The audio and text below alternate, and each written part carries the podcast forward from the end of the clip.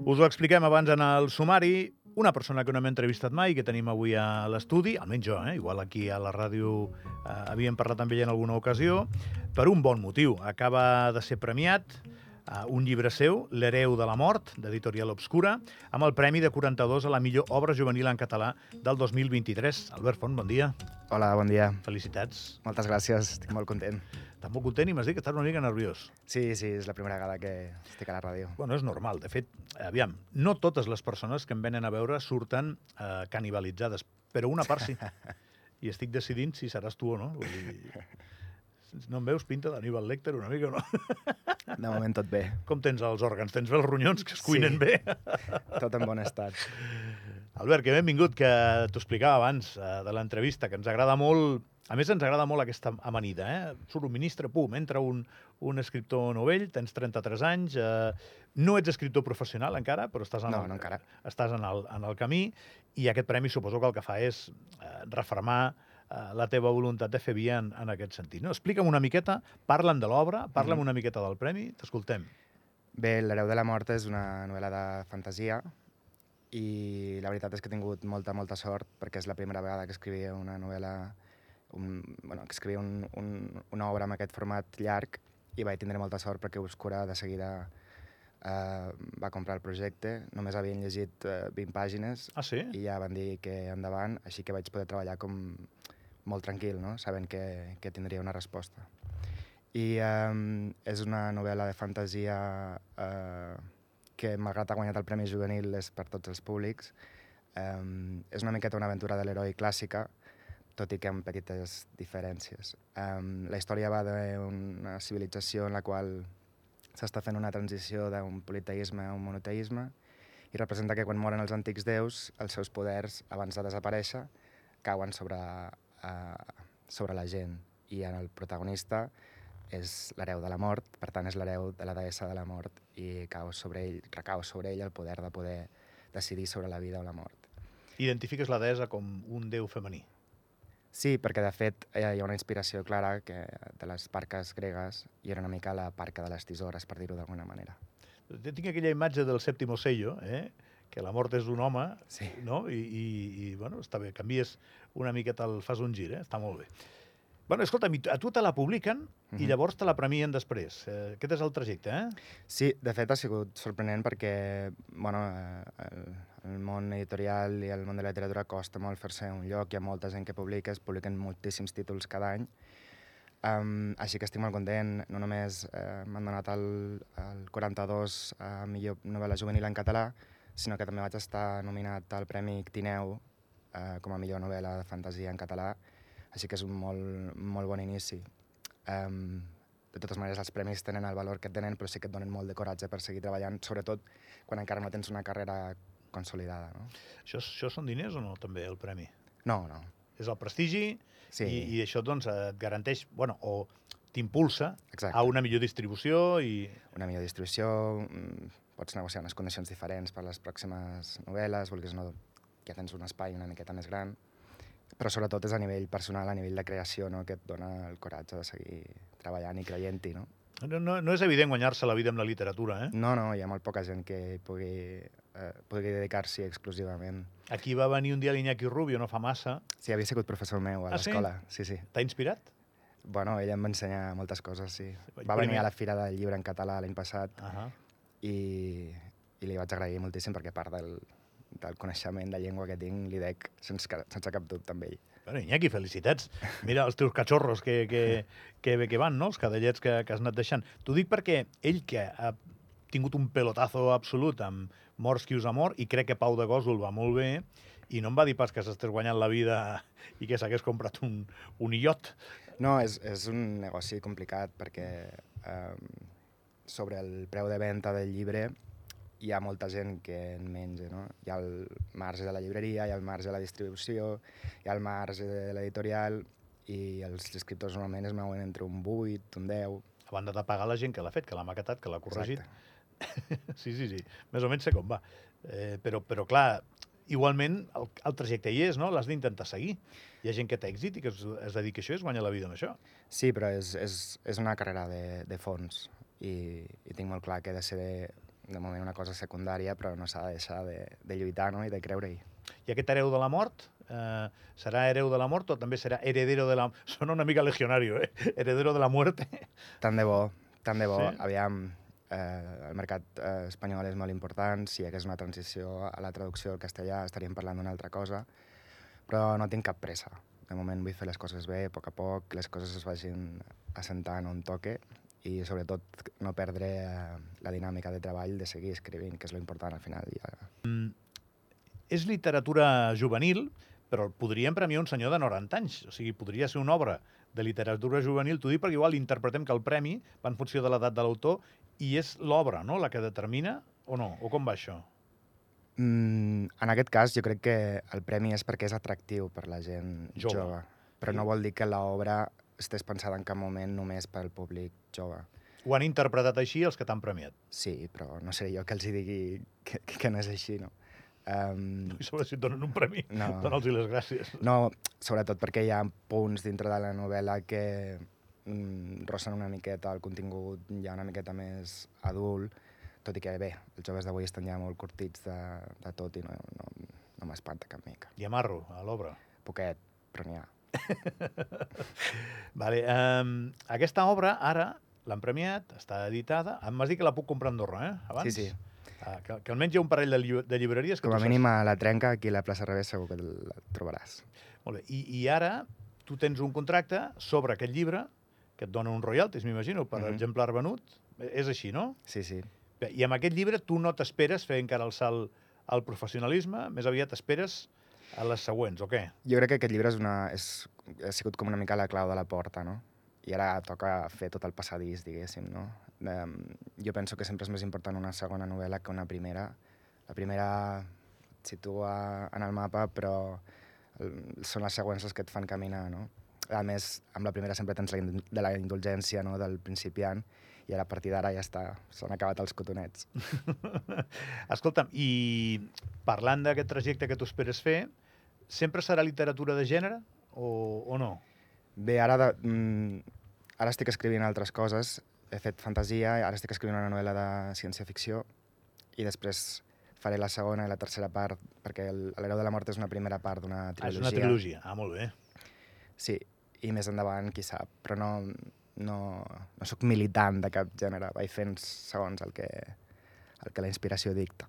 És que hi ha gent que es queda atrapada en un gènere, eh? perquè l'èxit l'atrapa. Si la cosa xuta, De totes maneres, jo penso que lo dels gèneres eh, hem de fer un, una mica de d'evolucionar, no? perquè no són compartiments estancs. Es pot parlar de tot des de qualsevol tipus de gènere, no? i no s'ha d'encapsular ni els creadors ni els generadors de contingut amb un gènere pel fet de que... Però com ens agraden tant les etiquetes i ficar cadascú al, al seu nece ho corral... necessitem, eh? Ja, No sé per què, però ho necessitem, eh? ja, ja. Aquest és escriptor de gènere, aquest és de novel·la romàntica, aquest és de novel·la d'acció, aquest fa assaig... Mm. És, és una bona reflexió aquesta, eh? perquè ens agrada tant etiquetar la gent i per què eh, ens incomoda tant quan algú que tenim etiquetat d'una manera fa una cosa diferent, eh? Que, com si no tinguessis dret. Sí, perquè quan, quan fem coses diferents eh, obliguem els demés a tornar-nos a conèixer. I la gent li fa mandra de tornar a conèixer la gent que ja coneix, no? No? Imagina't, ara parlant del marro de la teva novel·la, dius que n'hi ha poc però n'hi ha, imagina't a J.K. Rowling escrivint una novel·la que fos com 50 sombres de Grey. Ja. No, és veritat. Però estaria en el seu dret de fer-ho. només faltaria, com Sí, si en vol sí. fer 14, però, Sí, sí. però la gent diria, ui, Sí, què ha sí. passat, no? No la veig, també t'ho dic. Eh? No la veus? No, jo igual tampoc. Però crec que és un bon exemple, no? Sí, sí. Ella ha de fer pues, el que ha de fer i si surt d'aquí ja sembla que la gent s'incomodi, que faci el que vulgui, escolta'm. El tema és si tindrà èxit, uh, tindrà èxit o no.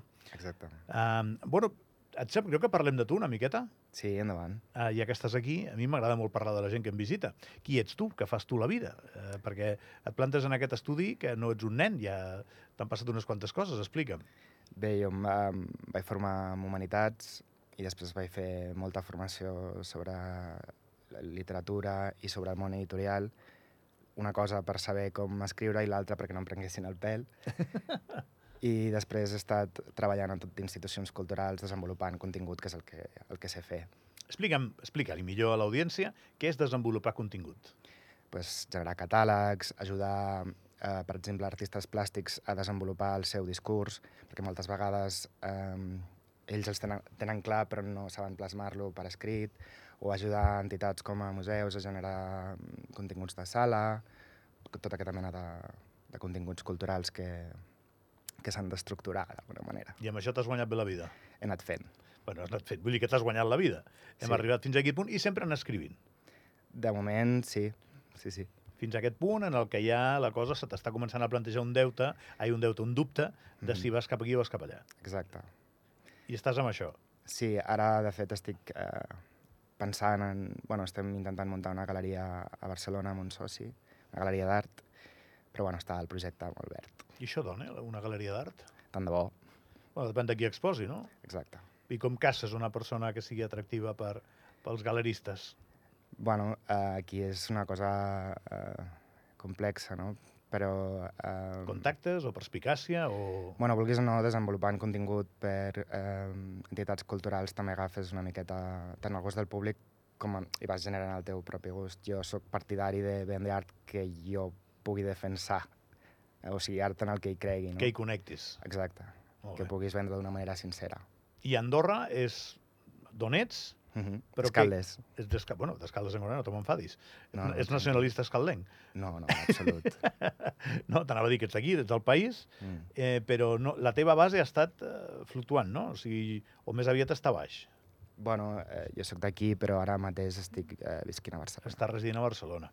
Molt bé. Eh, I què et sembla tot aquest boom? Jo, jo l'interpreto així. A mi m'ha tocat fer el programa en un moment sensacional de les lletres andorranes, eh, com a mínim per producció. I també algunes tenen bastant èxit, no?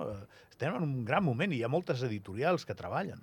Sí, um, hi ha hagut un boom sobretot d'editorials petites que se l'han jugat i han començat a treballar per... Uh, perquè al final mm, amb el món editorial ja està havent una mena de concentració massiva de totes les editorials mitjanes en els grans grups, Penguin, eh, Planeta i companyia, i eh, els hi costa a les petites no, de sobreviure en un món tan, tan, tan dur. no? Perquè Tan agressiu, tan sí. salvatge. Però últimament hi ha hagut, mm, sí que han florit moltes noves editorials, que és molt important per la gent que comencem, no? que gent que té temps, ganes, energia i passió no? per, per uh, ajudar la gent que comença. Com és Obscura? En el cas d'Obscura, Explica'm, que no, no, no són, la conec. són un parell d'editors uh, genials, uh, van començar fa res, un parell d'anys, i um, sobretot el que m'agrada és que eh, a Espanya s'acostuma a, a treballar amb manuscrits completament tancats i jo li vaig dir a la meva editora que volia treballar una mica més a l'americana.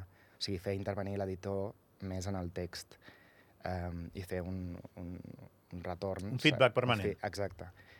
Um, I la veritat és que n'he quedat contentíssim, perquè és... és... Sempre és un dilema, això, per un escriptor, no? Deixar entrar Bueno, durant el procés. No, va a caràcters. O sigui, jo la coneixia de fa temps, sé que en sap tant o més que jo i era una... era perdre, perdre qualitat, no fer-la intervenir.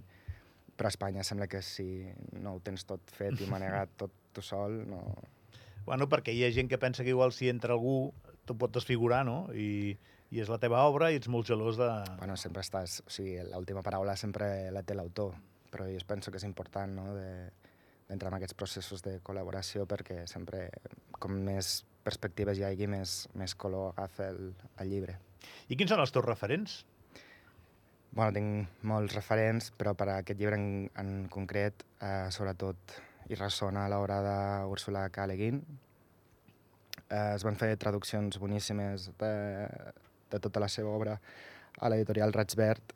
La, la traductora catalana Blanca Busquets ha fet una feina increïble i de fet va ser arran de llegir les traduccions al català de, de Terramar i companyia, els llibres de Le Guin, que em, em vaig encoratjar a fer una obra llarga en català.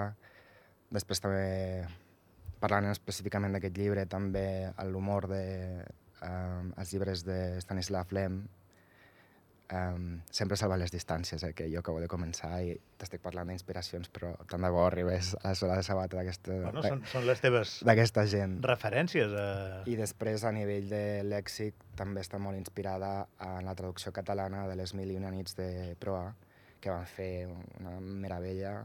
És una traducció de la Margalida Ca- Castells i la Dolors Cinca, que és una cosa meravellosa, i a nivell de lèxic i de color, de la gramàtica i tot, en soc d'autor sense cap mena de dubte. Destaques molt la traducció, eh? eh Bueno, és que s'està fent una feina molt important últimament, no? perquè per poder escriure en català hem de tindre tots els referents disponibles amb, amb edicions com, com il fo, no?